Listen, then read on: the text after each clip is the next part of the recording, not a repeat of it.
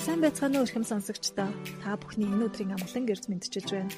Бид энэхүү цуглал подкастаараа дамжуулан Америкийн нэгдсэн улсад дэлхийд тэргүүлэх боловсрол эзэмшээд их орондоо иргэн ирж мэрэгжлэр салбар салбартаа манлайлан ажиллаж буй Монгол залуусын түүхийг хөргөж байхаар зорилоо. Та бүхэн бидний бэлтгэсэн явдлуудыг 7 хоног бүрийн даваа баргуудад хүлээн авч сонсоорой.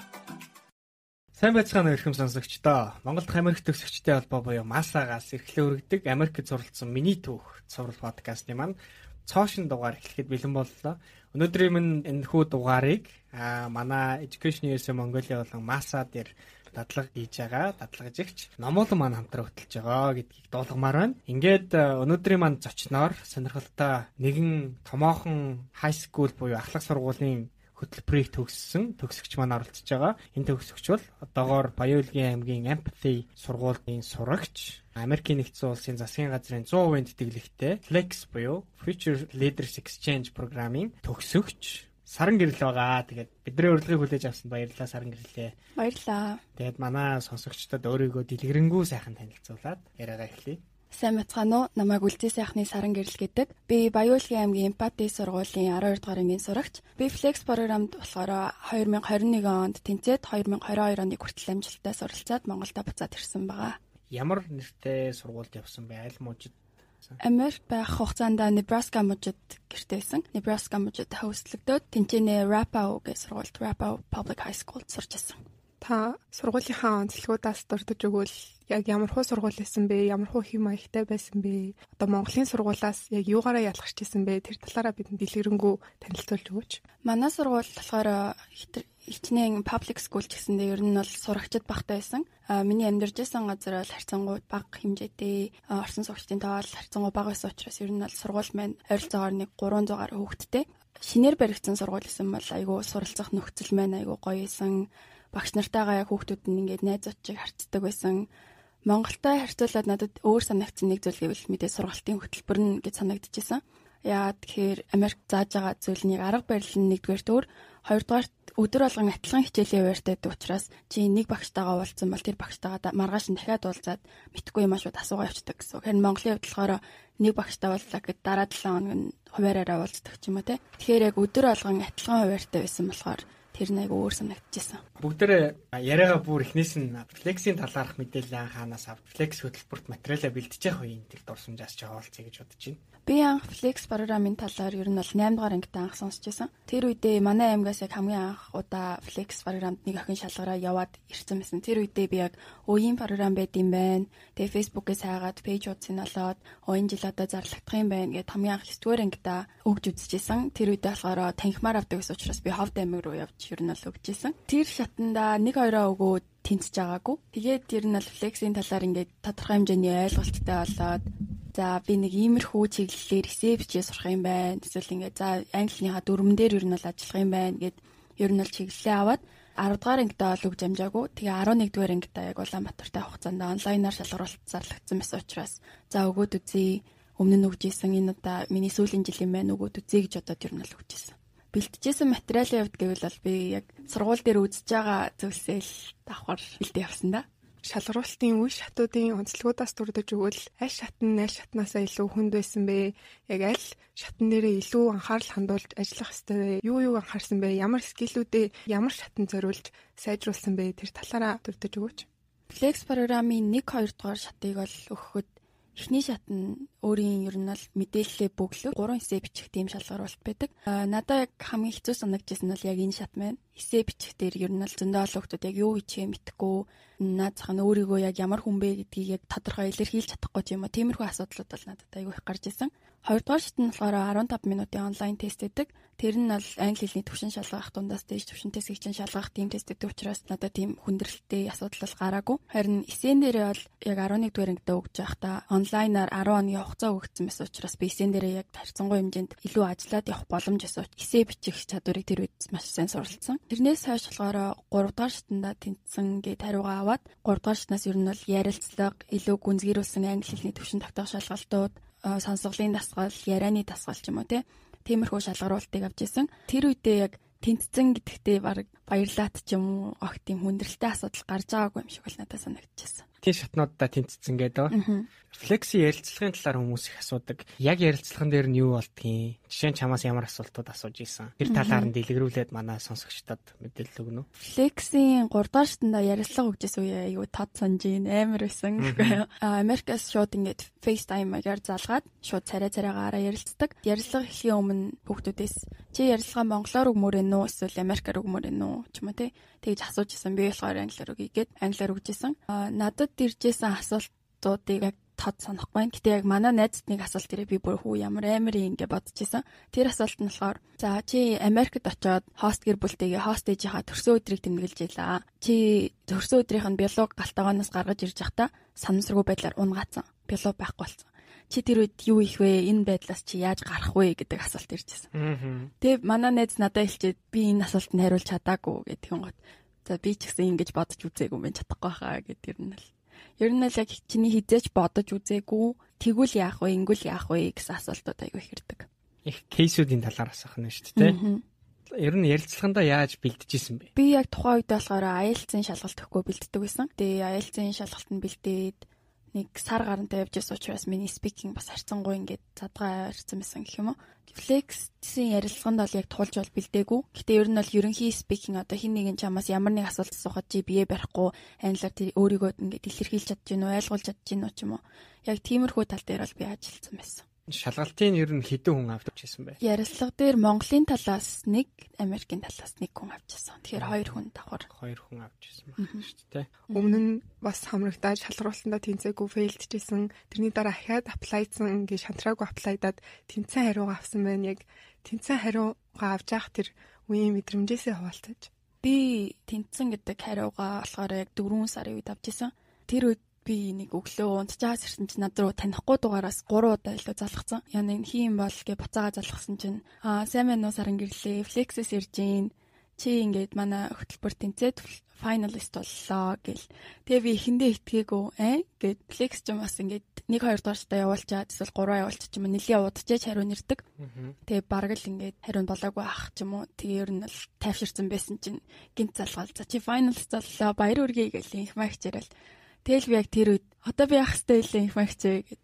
Тэгээ их магч За одоо би чам руу ингээ материалууд явуулна интернет дээр ингээд ингээд ажиллаарай гэж дараа дараагийн алхмыг өгчээсэн. Тэгээд яг уцаа тасалчаал аав ээжтэй хэлээл аав ээж би Америк явлаа. Тэр үед гэхдээ аав ээж хоёр минь флексийн талаас харьцангуй тийм ойлголт мутайсан гэх юм уу. Би өөрөө л би дагаал ингээл юм аяга явуулсан. Тэнцчлээ гэд тэрний дараа ер нь л аав ээж өө ийм хөтөлбөр юм уу аа за за гэж ойлгоод гэр бүлэрээ нэг тийм нэр явах гээд байгаа юм уу гэсэн байдалтай л болчихсон да.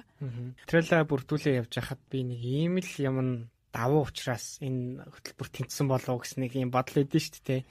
Чиний хувьд энэ чамайг тэнцэхэд нөлөөлсөн одоо ийм чиний давуу талуудыг гэж боддог бай. Би өөрийн давуу тал гэхээс илүү туршлага гэж хэлнэ. 15 мавтай байхдаа ч юм уу те кофе шопт ажиллаж үзчихсэн. Тэр үедээ ингээд бие даад сурсан хүмүүстэй яаж харьцдгийг тэр талаасаа сурсан. Тэгэхээр ер нь бол өөрийн туршлага дээр үүсэн яг яаж яаж садууруулж авсан талаараа өөрөө айгуу тийм өөрийгөө мэдчихсэн яг тэр талаараа л өөрийгөө аягүй сайн харуулж өгсөн юм болов гэж бодчихсан. Бас дээрэс нь эсээ бичлэгийн талаар ер нь бол флексийн шалгаруулт үеэр маш сайн судалж агаад яг эсэн дээрээ жижиг сажиг алдаа гарахгүй айгүй хичээжсэн болохоор яг эднэр мэн давуу тал болоод намайг ер нь л гаргаж өгсөн болов гэж бодсон. За 4 сард яг тэнцэн хариугаа авсан гэж. А 4 сараас яг Америкийн нэгдсэн улсыг зорихоос өмнө бүхэлдэн зуны амралттэй хэдэн сарын хугацаа байна. А тэр үедээ юун дээр анхаарч юу юуг бэлтжижсэн бэ? Одоо зөвхөн академик талаас гэхээсээ илүү явахын өмнөх бэлтгэл сэтгэл санаагаа бэлтэх тэр эсэл бэлтэх ч гэдэг юм уу тэр үедээ яг юу юуг анхаарч бэлтжижсэн бэ хүмүүсээс тусалцаа авч ирсэн үү яг ямар тусалцаа авч ирсэн бэ тэр талаараа тодорхой ярьж өгөөч яг flex тэнцэн хариугаа авсны дараа бол ер нь бол flex-ээс хүүхд толгонтой холбогдоод дараа дараагийн алхмыг хэлж өгдөг. Тэр үедээ бид нэр placement orientation гэдэг ер нь бол сургалтанд хамрагдчихсэн 7 оны хугацаатай. Тэрнээс гадна явах гэж гээд хилээ бэлтгэс илүү би ер нь бол өөрөө очиод ямар баймаар байгаа юм ч юм уу тэр талаар айгүй их бэлдсэн. Явахын өмнө мэдээж визний асуудлууд ер нь бол хурдтай ажиллах шаардлагатай байсан. Тэгээд пассворт байхгүй бол пассвортаа захиалах хэрэгтэй. А эрүүл мэндийн маягт бөглөхөд ингээл имлэгээр явах хэрэгтэй гэдэг юм уу. Тиймэрхүү маягтууд дээр ажиллана гэдэг ер нь бол нэлийн цаг явж исэн. Бид нар яг тэр үед нөө ковид стил байсан болохоор хэдэн сард явах нь тодорхойгүй 7 сард эсвэл 8 сард явна гэд. Тэгээ би яг 7 сард явна гэдэг хариу авчаад айгүй юмн дээр хурдтай ажиллаад ер нь бол юма бэлэн болгоцсон байсан. Би баян үйл гэдсэн тэр үедээ. Flex-с хизээч залгаж магадгүй залгах үед хотод ирээрээ яагаад тэгэхээр ковидос болоод ер нь юм болгон айгүй бэрцгүй байгаад гэсэн. 7 сард явах юм байна гэд Улаанбаатарт ирсэн чинь бидний нислэг 8 сар бол ажиллагдаад энэ ч яг Монголоос уртчлах үүднээс тийм гадаад явахын тулд ер нь бол сүвнэр, тийм жижиг сажиг, төлхүүрний осор, хөргөгчний наалт ч юм уу. Тиймэрхүү юмнууд айгүй хотод цоглуулдаг байсан. Ачаад за найздаа өгөн ч юм уу. Өөрөө сонирхлоороо ээжтэйгээ цуг тийм гар идэлэл цүнх мөх ер нь бол. Ковидын үед ер нь Америкт хай скуулууд ямар байваа? 2022 онд төгссөн гэдэг чинь 21 он Америк руу явсан гэсэн үг шүү дээ, тийм ээ. Тэгэхээр 21-ээс 22 он бол яалтчгүй яг ковидын өндөр ачааллын үе байсан. Тэгээ энэгээр ер нь ямар хуу байсан? Явхад ямар нэгэн төвхтөө зүйл гарч ирсэн үү? Тэр туршлагаасаа асуулцаж Бид нарыг яг явах үеэр бол Монголд ковид нэлээх байсан. Бид нар явхаасаа өмнө 7 хоногийн туршилуу гэртээ ингээд тусгаарлалт нь орох шаардлагатай. Гэртээ 7 хоног тусгаарлагдаад тэгээ ковидын тест өгөөд бид нарыг дахиад буудалд ингээд 3 хоног тусгаарлаж исэн. Бөөндөө ингээд тусгаарлагдаа. Ер нь бол ингээд тусгаарлагдаал тусгаарлагдаал байгаад тест. Тэгээ буудал тахтай хүртэл бусад флексерсээ харж болохгүй. Нэг хоёулаа нэг өрөөнд ч юм уу. Бүгдээрээ амар хөөрхөн догтлоостэй өөр өөр өрөөнд тэгээ төвжигдсэн. Айгуу догтлолтой байсан үед яг тийм байсан надад айгуу зүв байсан юм санагдсан яа тэгэхээр жоохон дарж өгч юм те. Аяллаа үеэр болохоор ингээл онгоцны буудалд дамжаа бид нар болохоор туркаар явжсэн. Тэр үед тэгээд нөө ковид тестээ ингээ харуулад явах юм. Ковид тест ер нь л өөх магадaltaй шүү гэдэг анханасаа бид нараар ингээ зөвшөөрч юм ингээ бичиг хийлгэсэн байсан. Ковидын тестний ялгаа нь байсан. А айгүй хүн татуу хүлээрэтэй Америк татсан чинь Америкууд зүгээр л ковид юм шиг л амьдарч исэн айгүй сананг. Маск ч зөөгөө. Аха. Тэгээ би яг анх утсан өдрөө бид нарыг байршуулах байгууллагын мэнд багш өгдөг гэсэн. Тэр хүнтэй танилцаад хамт ингээ аяллаар явж исэн чинь одоо манай сургууль дахиад нэг Испани банд ирж байгаа. Би тэрний ээжд нэг материал өгөх хэвээр чи машиндаа сууж энэ хүн ковидтэй гэд тэгсэн чи тэр хүн зөөр урдаас нь гарч ирэл цаасаа авчаал яваад өгс. Тэгэл би та нар ингэдэм үү Айгуу гайхаж. Монголд бол өөр байгаа шүү дээ. Тэр хүн маск зүүсэн байсан болохоор зүгээр зүгээр гэд. Тэ би өө зөө зөө гэл. Тэгэл бас энэ бол ясын дагна гэд.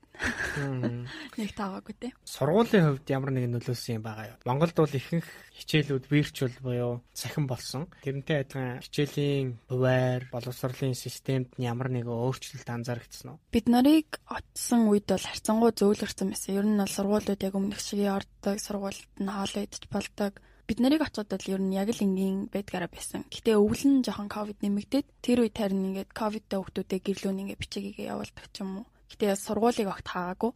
Яг ковидтай хүүхдүүдтэйгээ л арга хэмжээ аваад ингээд буцаага явуулаад гэрлүүн амраагаад байсан. Өмнө нь аюу удаан хугацаанд карантинлэгдээд дотроо маш хүлээлтийг үүсгээд тэгээд сургуультай очиж исэн бах. Жилийн анхны өдрийн тэр сэтгэл тэр шинэ орчин хүүхдүүд ангийнх нь яг яаж хүлээж авч ирсэн бэ? Багш нар яг яаж хүлээж авч ирсэн бэ? Тэр орчин те тэр уур амьсгал яг ямар байсан бэ?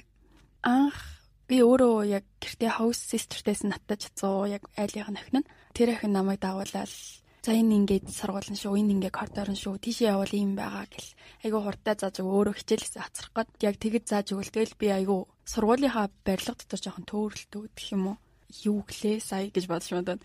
Тэгснээ коллеж канцлертайгаа уулзаад одоо манай сургуулийн хичээл сонгот юм аа. Ер нь бол монголоор яг оюутнууд чиг ингээд сонгосон сонгосон хичээл рүүгээ ордог. Сонгосон сонгосон хичээл рүүгээ орохдоо ахлах ангийн хүүхдүүд ингээд хаялтаад ордог. Нэг ангид 9-р ангийн хүүхдэж болно, 12 дугаар ангийн хүүхдэж болно. Яг сабжектаараа тэгж ордог болохоор хичээл сонголт гээд сонирхсан хичээлүүдээ ер нь сонсож байгаа. Сонгоод манай коллеж канцлер намайг яг дагуулаа бүх ангиудаар яваад ингээд өөрийгөө танилцуул гээд. Энэ бол миний амар яг Монгол тахтай амир бодож исэн зүйлээсэн. Яа тэгэхээр за чи одоо ингээл ачаага баахан танихгүй хүмүүсийн урд өөрийгөө яг юу гэж танилцуулах гэж байгаа гэж өөрөөс аягүй асуудаг байсан. Бодож исэн юм билээ болоод атсан анги болгондоо ороод сайн бацгаа нуунаа саран гэрлэгдэг би Монголоос ирсэн гэл амир инээгээл гээл ер нь л танилцсан. Яг тэр үедээ бол би амир өөрөө сандарсан байсан ч гэсэндээ тэрийг айгуусаа нууж чадсан. Яа тэгэхээр би ханьны орд. Тэгээд аа яг тэр үедээ амар өөртөө ихтэй харагдаж байгаа юм шиг жүжиглээл бүр ингээл амар сандраал өөрийгөө танилцуулж байсан. Энд дээр ч ингээд фокус чадаагүй ямар ч хүний царай хараагүй тэр өдрөөс яг санах юм гэвэл би өөрөө л зогсож исэн. Тэгэхээр тийм амар сандарсан байсан гэсэн. Дараа нь яг жил мөлийн төгсгөлөөр ингээд найзуудаасаа асуугаад окей чиний ингээд намайг хамгийн анхаараа бодож исэн зүйл чи юу вэ? Намайг анхаараа юу гэж утсан бэ гэсэн чинь тэд нар надаа би чамайг ямар байлаар өөртөө ихтэй ингэж утсан. Тэгэхээр ер нь л эхний өдрөө ер нь айгүй сандарсан. Гэхдээ тэрийг амар нууж чадсан юм болов гэж бодчих. Нэг э, сэтгэл зүйчийн хэлсэн үг гэдэг нь шүү дээ. Fake it till you make it гэдэг. Yes, I nailed it. Яг тэгсэн мэт шүү дээ. Америкт ер нь э, сурж байхдаа ер нь яг ямар ямар хичээлүүд судалж ив, дугуулна секц, клубүүдэд явах боломж олдсон уу? Сургууль дээр болохоор би бид нарын заавал судлах хичээл гэж бид нарт байсан. Тэр нь American History, American Government, нэг нь болохоор English. English 3 яг тэр тусмаа. English 3 нь болохоор ингээд basic English заадаг. Гэтэ мэдээж жоохон гүнзгий уран зохиол талтай ч юм уу те.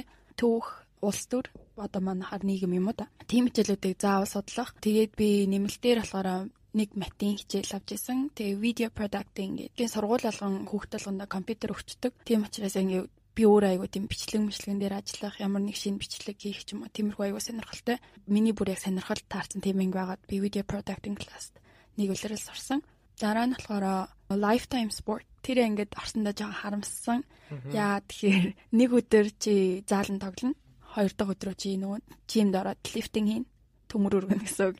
Тэгээ би бүр яг тэр төмөр өргөдөг өдөр нь бүр ингээд амар очмааргүй санагддаг гэсэн.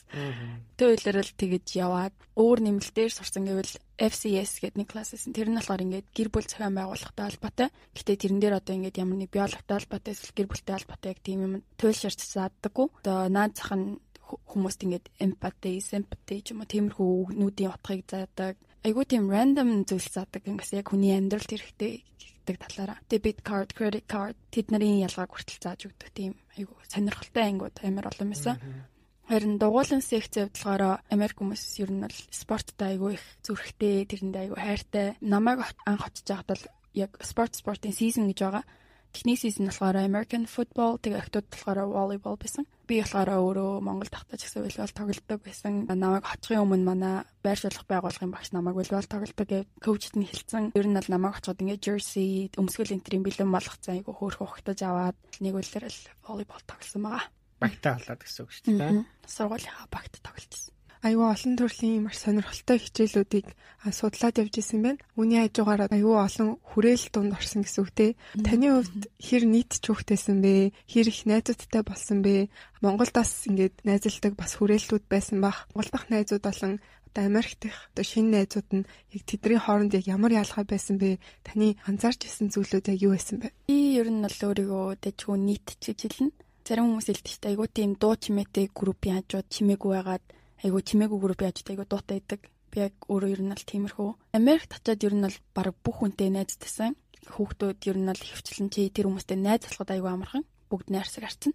Харин яг жинхэнэ яг besties-тэй сайн найзууд болоход ч юм уу айгу хэцүү байдаг гэж ер нь л яригддаг. Анх очиход бол бүгдэндээ л яг ингээ найзууд таарсан болгонтойгоо мэдлдэг Тэгээд намайг ингээд коридор мордор анги олохгүй байхад ингээд бүгдээрээ тусалдаг ч юм айгу тийм эсэн. Миний нэг анзаарсан ялгаа гэх юм бол Монголд яг манай хүүхдүүд маань ингээ гаднаа аягүй хатуу гэсэн ингээ яг нэг л онгот амар гоё хүмүүс яагаад ддэг. Харин Америкт болохоор эсэргээрээ ч юм уу те ингээл гаднаа аягүй гоё яригдал. Гэтэ яг ойртол нийлигийн гот аягүй тийм хэцүү ингээл чамаас зайгаа барих ч юм уу тиймэрхүү зүйл харагддаг юм шиг үлээ. Ер нь бол яг Монгол буцаж ирээд анзаарсан юм гэвэл өсвөр насны хүүхдүүдийн хувьд маш том ялгаа байсан. Тэр нь одоо жишээ нь аль нэг нь би бол дээр эсвэл доогоор гэж хэлэхгүй Гэтэ ер нь бол хүүхдүүдийн ингээд боддог, баримталдаг зүйлс ер нь шал өөрөөсөн ямар нэг хүчирхийлэл ч юм уу те. Тиймэрхүү зүйл ингээд Монголын хүүхдүүдтэй амар энгийн зөвөр ингээд яригддаг топик болцсон байх жишээ те. Тэнгууд Америк тэрийг чинь мар ингээд хуйл мөл яригдах хүүхдүүд тийм ингээд айгу serious хүлээж авах. Тэнгууд Монгол хүүхдүүд маань тэрэнд айгу used to болцсон байгаад идэх юм уу. Яг тиймэрхүү тал ажиглагдсан. Тэр нь жоохон гонхтэйс. Америкт флексийнхны бас нэг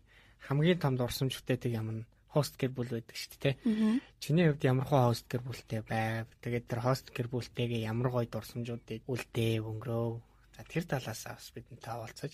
Би Nebraska мужийнхаа Rapo сургууль сурдаг. Гэтэ яг тэрнээсээ нэг 5 минутын зайтай Holbrook гэд village тасган байдаг гэсэн.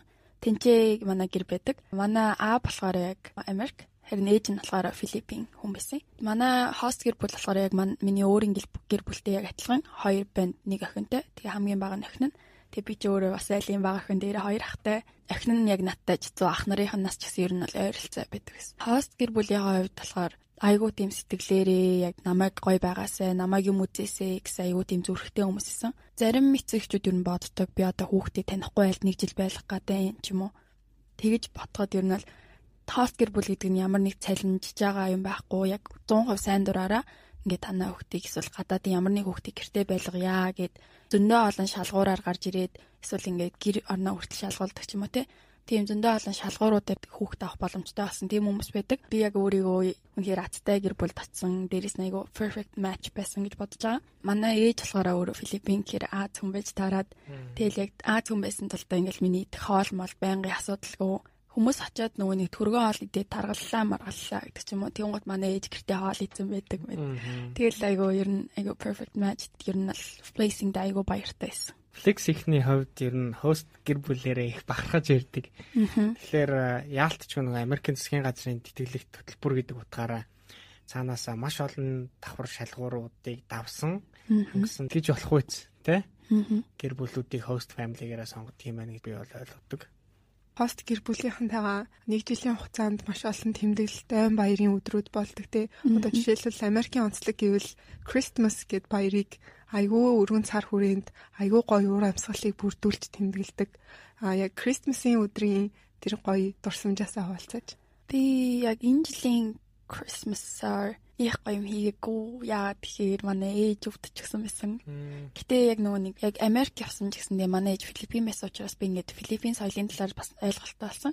Филиппин болохоор ер нь бол Christmas-ийн үеэр шөндөө ингээд жимс идээд нэг тасгал хийдэг баха дараа жил нь өндөр болно гэд яг тийм уламжлал байдаг гэд тийм тийм зүйл хийжсэн нь бол санаж байна. Гэтэ манай ээж өвдсөн байсан учраас тэгээ аав ажилтайс учраас яг Christmas-аар бол тийм амар гоё юм бол хийгээгүй. Бусад баяруудаар бид нар тэгээд Christmas тэмдэглэж чадаагүйгээд New Year хийжсэн. New Year ч юм бол яг Америкт тийм баяр бол биш. Бид тэгээд яг бөөндөө яг цуглаад айгуу тийм гоё dinner бариад цацаг дээр бол идээд тэгээд бөөндөө бэлэг салжижсэн. Ингээд гацааны хадаар дүүрэн хайрцагтай бэлэг тавьсан. Тэгэл бэлэг салцаал зармийн нээж чадахгүй маргааш нүглөөс ирж юу бэлгээ онгоолж монголол Тэгээ одоо яг аав ээжүүд аав ээж надад бэлгэлсэн зүйл одоо бол ингээд баглаад байгаа байж ах жишээтэй айгу хөөх хөөх юмнууд өгчээсэн.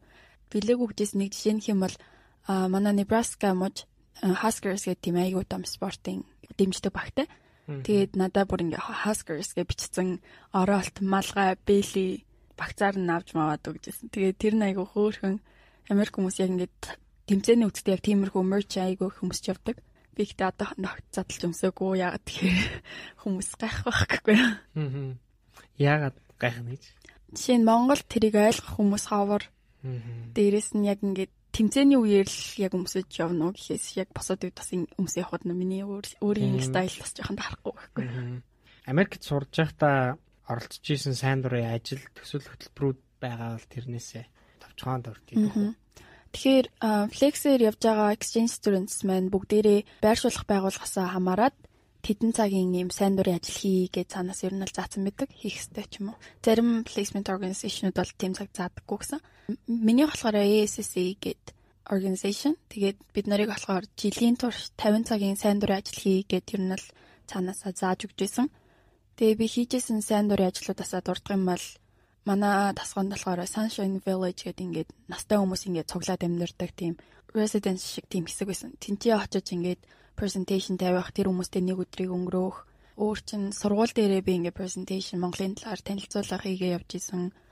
5 дахь өдөр болго ер нь бол спортын тэмцээн болдог уйлбал эсвэл хөлбөмбөг яг тийм үед ингээд нөө нэг concession stand дээр нь очиод ажилдаг, cashier хийдэг эсвэл ингээд тоогооч могоочд нь тусалдаг юм яг тиймэрхүү ажлууд аягүй хийгддэг гэсэн. Тэгээд ер нь бол босод exchange зүрийн хийж байгаагүй би зөөрийг аав ээжийн найзынхын зүйл тусалж ирсэн нэг юм байсан. Тэр нь болохоор no veteran гэд тэргийн хүн байж байгаа тэтгэвртэй гарцсан дайм мэнд оролцож исэн тийм хүмүүсийн дурсгал зориулаад donation цуглуулах, хандив цуглуулах аян болж исэн. Тэрэнд би ингээд тандвын цуглуулж өгч исэн байгаа. Америкт ер нь сайн дурын үйл ажиллагаанууд элбэг байдаггүй тэрний үйл явцсан те хүмүүс сайн дурын ажилтнуудыг яг яаж хүлээж авдаг яг тэр нийгэм нь те уур амьсгал нь эсвэл өргөн цар хүрээтэй тэр ажилд хамрагддаг уу ер нь хай скул сурагчид сайн дурын ажилд хэр идэвхтэй байдаг байсан бэ ер нь хай скул байхад гадуур сайн дурын ажил хийх боломж бол байнгын байж идэг. Багш нар ингээд ангид орж ирээ. За энэ 7 хоногийн тавтагад movie theater concession ажиллах хүн байна уу гэнгүүт хүүхдүүд за би очлоо ажиллая ч юм уу ингээд ээлжлээд ер нь бол ажиллах боломж аягүй их байдаг. Сайн дурын ажил гэхээр зарим хүмүүс жоохон буруу ойлголттой байдаг. Ингээд ажиллачаад цалинждгүү энэ төр гэдэг. Ер нь бол энэ бол ямар ч цалинжихгүй чи ингээд хүнд ингээд туслаад ингээд сайн дураараа ажил хийгээд тус олж гинэ гэсэн үг. Тэгэхээр надад бол боломжууд зөндөө олон байдаг гэсэн. Гэр бүлийн эсч тэр сургуулиас ч тэр Тэгээ сургуулийн явд болохоор ер нь бол бүх хүүхдүүдийг ер нь сургууль цаанаасаа ингээд идэвхтэй байгаарэ, ингээд ажиллаарэ, ийм боломж байна. Чамд одоо хідэн цаг дутуу байна ч юм уу. Тэгэж ер нь бол айгүй шахдаг гэсэн. American High School төгсөхдөө ер нь бол 15 цагийн жилүү volunteer hours буюу тийм сайн дурын ажил хийцэн байх хэрэгтэй гэд заагаад өгсөн байдаг. Тэгэхээр high school students маань ер нь бол цагаа дуустал тэгээд хүснээрээ ажиллаж болно. Сайн дурын ажил гэдэг нь Америкийн нийгэмд айгүй том хэсэг нь байсан сайн дурын үйл ажиллагааны үйл явцад яг юуг сурч авсан бэ? Таны ямар чадрыг илүү хөгжүүлсэн бэ? Яг Америкт сайн дурын ажил хийхэд шин садан зүйл тохиолдож ирсэн үү? Би хөвчлэн яг кино театрт cashier хийх эсвэл ингээд concession stand cashier хийх дандаа тийм үйлчлэгээ маягийн хүмүүстэй ингээ харьцаад мөнгөний авах ч юм уу яг тиймэрхүү ажлууд хийжсэн болохоор миний бодлоор ингээ communication skill айгуу сайжирсан болов уу гэж бодож байна.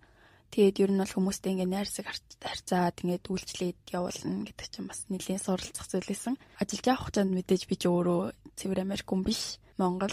Тэгэхээр надаа ингээд мэдгүй үг мүг гарах ч юм уу ингээд тиймэрхүү зүйлд ингээд тэр болгон дээрээс ингээд жижиг сажгаар суралцаа. Тэр нь бол яриан дээрээ бас аягуулсан сайжирч өгсөн юм болоо гэж бодож байгаа. Ер нь бол нөгөө соёлын ялгаануудаас асар их сурдсан шүү дээ. Жишээ нь би бас нэг тийм түүх сонсч байсан байхгүй. Би маа нэг найз яг Америк дөнгөж очоод тэгээ хилээ яг л нөгөө нэг академикли нийлээ сайжруулчаад сургууль мөрүүлт хийж очсон чинь хамгийн анхны очсон газар ингээд төлбөрөө төлөх гэсэн чинь 10 bucks гэсэн нэ. Гэсэн чинь bucks гэж юу лээ гээ ингээ бодоодсэн чинь нөгөө долларыг чинь bucks гэж хэлчих болдог гээд. Тэгээд хамгийн их гайхажсэн ингээ тухайд хэлжсэн яг энтэй адилхан ер нь cultural shock ер нь яг хилээр дамжуулж бас нэлээ анзаарагдаад байдаг. Надаа бас яг нэг тиймд л тохиолдчихсан. Би анх нөгөө очиод volleyball season байсан гэдгсэн штеп. Тэнгуут монголчууд маань ганцхан вэвсгтэй. Тэнгуут би яг тэр зангаараа WV2-ыг адилхан дуудаад идэв гэсэн мэлээ. Тэрийг огт анзаараагүй одоо жишээ нь Valley гэдэг үгийг би Wally гэж хэлдэг байсан ч байна. Тэгээд манай Америк найзууд чи энэ үгээ ингэж хэлээд байна. Ингээд хэлдэг гэх. Тэгээ би ингээд огт тэр үедээ огт ялгааг нь сонсохгүй. Волейболыг би ингээд volleyball гэж хэлдэг байсан чинь volleyball гэж хэл. Гэт ингээд айгүй жижигхэн difference гэтээ ингээд тэр хүмүүст айгүй тоодол сонсогддог гэд.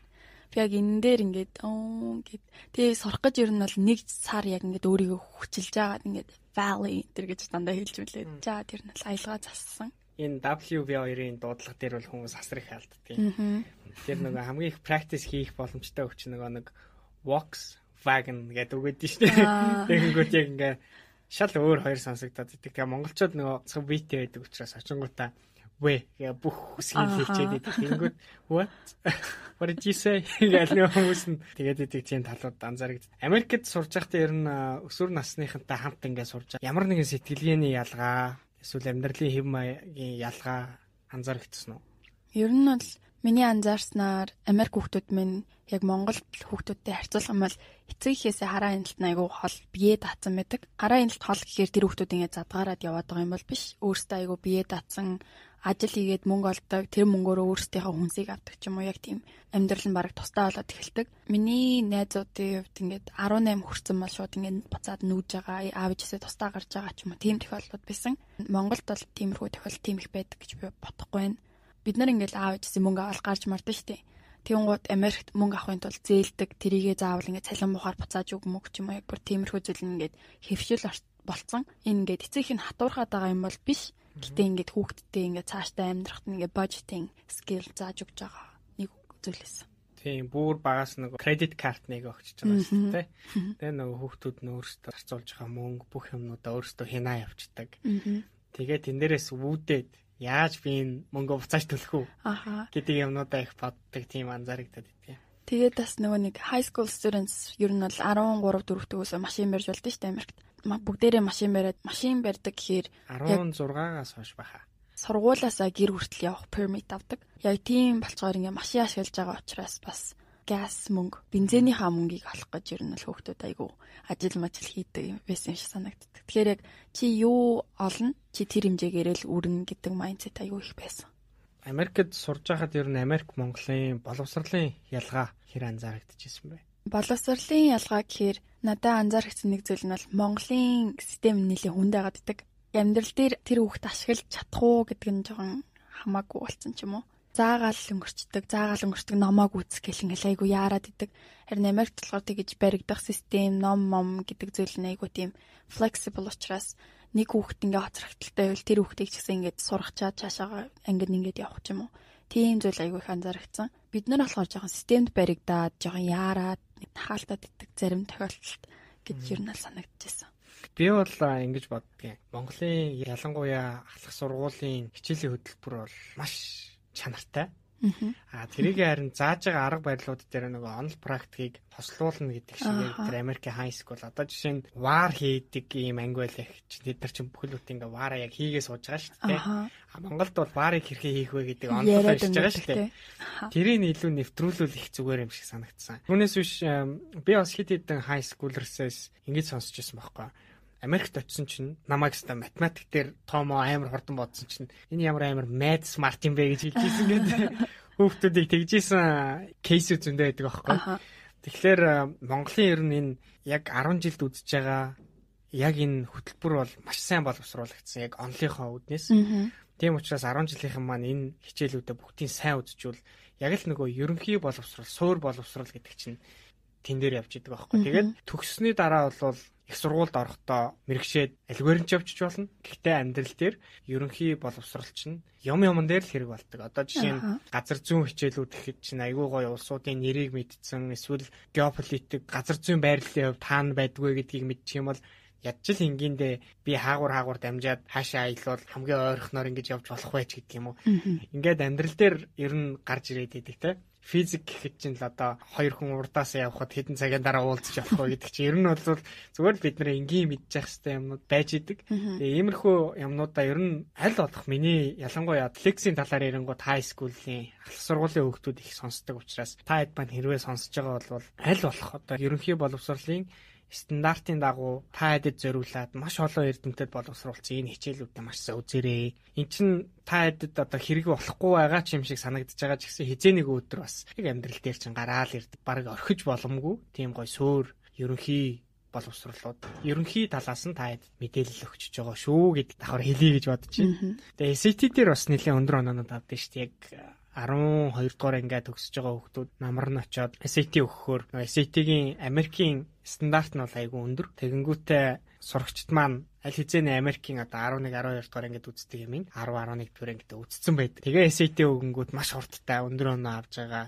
тохиолдлууд их байдаг. Ер нь Монголоос SAT өгж байгаа хүүхдүүд математикийн онон дээр нь бас нэлээд тийм өндөр оноо авч байгаа тохиолдлууд байгаа гэдэг байхгүй. Надаас яг очичоод математик ангитаха зааж байгаа шинэ хичээлд нь ороо суусан чинь миний 8 дугаар ангидаа үтчихсэн зүйл орж ирж байна. 12 дугаар ангийн хичээл сууж хат 8 дугаар ангид орж исэн юм ингээ шинээр заагаад хүүхдүүд шинээр сурч ирсэн. Ер нь аль нилээ ялгаатай л гэдэг юм лээ. Тэгээд одоо Америк руу ингээд очихоор соёлын илч болч болдог гэж маш олон хүмүүс ярьж байгаа шүү дээ. Ер нь бол Америкийн засгийн газрын тэтгэлгээр явахаар ер нь нэг элчин сайд шиг л ирэх юм байдалдаг. Нэг карт өгчин бүх юмнуудаа уншуулаад уншуулаад төлбөрийн төлөө явчихж байгаа сте тий. Соёлын илч гэдэг утгаараа Монголын соёлыг түгээн дэлгэрүүлэх зорилгоор хийгдчихсэн ямар нэг үйл ажиллагаа, ивент ч юм уу зохион байгуулж исэн бол тэр талаасаа бид нартай суулцаач хамгийн анх очичоод Монголын талаар танилцуулга гэж яг сургууль дээр хийжсэн. Бүтэн өдөр ингээд сургуулийнхаа бүх ангиараараа баг сургуулиудаар ороод Монголын талаар ингээд хөрхөн жижигхэн presentation тавиад тэгээ би өөрийнхөө аваад очсон байсан Монгол дээлээ өмсөд presentation тавьсан. Ер нь авч утсан сүвнэрүүдээ бас аваачаад ингээд жижиг тоглоом энэ төр аваачаад харуулж исэн.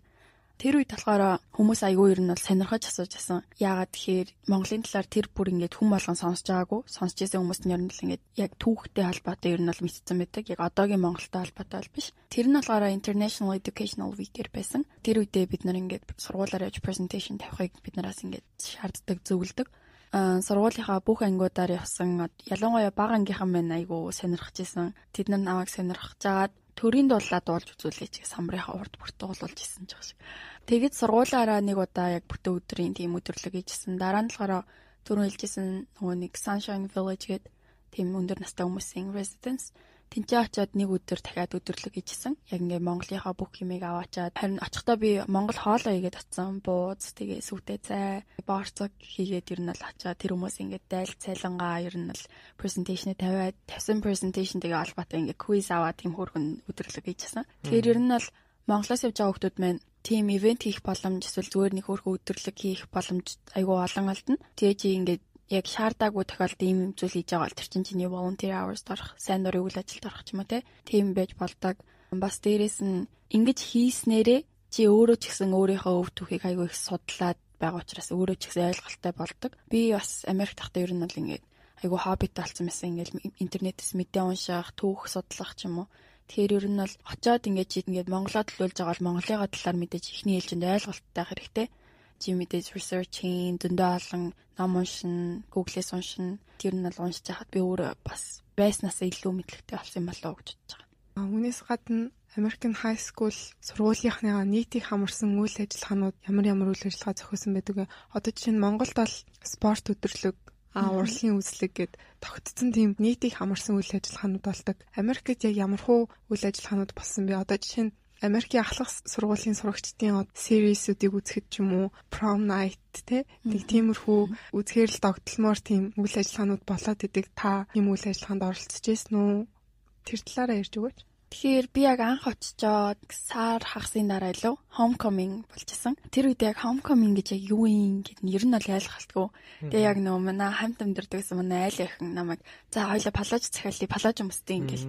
Тэгэл би окей гэд ер нь бол ингээл бэлэн болоо л гэсэн баг багаар Тэгэл яг homecoming week гэл ихэлсэн чинь өдөр алган чамд сургууль даяараа dress code өгнө. Эхний өдрөө бид нар ингээд 90 80 оныхон шиг хувцал мовцол ч юм уу. Өдөр алга ингээд dress code өгөө 5 дахь өдрөө homecoming games гэж хөл бөмбөгийн тэмцээн болоо тэрэн дээр ингээд бүх сургууль даяараа заавал үзэж мүзэл.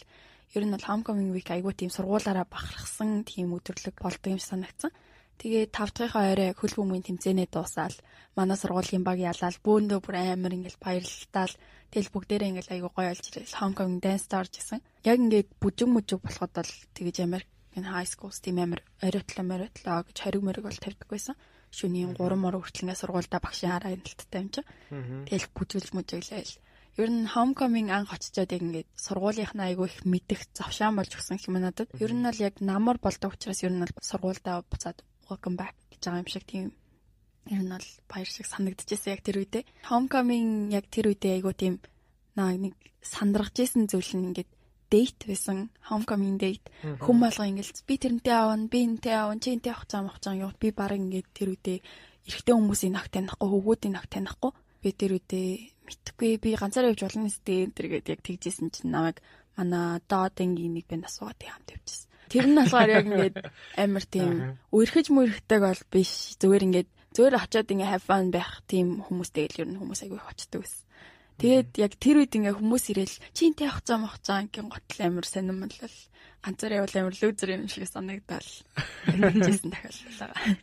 Тэгээд жилийн сүүлээр prom болж исэн. Хонхны баяр шиг гэх юм уу? Prom дээр юу өмсгүү өмсгүү гэл хатад ч юм ихтэй. Тэгэл амир олон газар дамжиж палаж хагаал. Тэгэл ер нь палаж палаж гэл ер нь айгүй бэлтжижсэн юм аа догдлол бэлдээдс юу болохыг мэдэхгүй ч гэсэн. Тэгээ би нөгөө нэг Америкт авах хугацаанд 12 дугаар ангид явдаг ч гэсэн яг juniors буюу 11 дугаар ангийнхантайгаа айгүй их үйл ажиллагаанд оролцдог гэсэн. Prom ер нь бол их хвчлэн 11-ийнхнаасаа 12-ийнхандаа барьж байгаа surprise гэдэг. Манай 11-ийн чимэглэл хийж ингээд prom-ing team нь болохоор ингээд fishing in the dark гэдэг. Яг нэг юм өрөөг бид нар ингээ хаваарангуу болгоод тэгээ баахан гэрэл мэрэл авчраад ингээ нэг заалыг бүр амар гой чимэглээд чимэглэлт нь оролцсон болохоор тэрэндээ айгуу тогтлоод бүжиг мүжиндээ ирээд нь айгу сүртэй хамт авчирсан дээдтэйгээ зуг ингээд алхдаг үзэгчд ингээд эцэг эхчүүд ирээд бүх заалаараа үзэж яхад урдуур нь алхаж гарч ирээд ингээд зургаа даруулчаа бууж муудаг.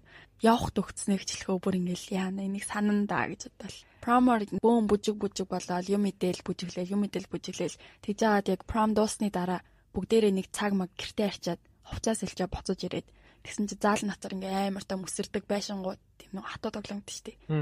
Авирдаг, үсэрдэг, тэгээ уунж мундаг, цахиулж мөхөлдөг тийм тоглоомнууд ингээ авчраа босгоод тавьсан. Тэгээ ер нь бол шинжэнгөө тэнцээс тоглолчихсон. Тэгэхээр prom, тэгээ homecoming бол ингээд яг нэг өдөр ингээ сургуулаараа амар гоё байх. Ер нь бол өдрүүд байсан.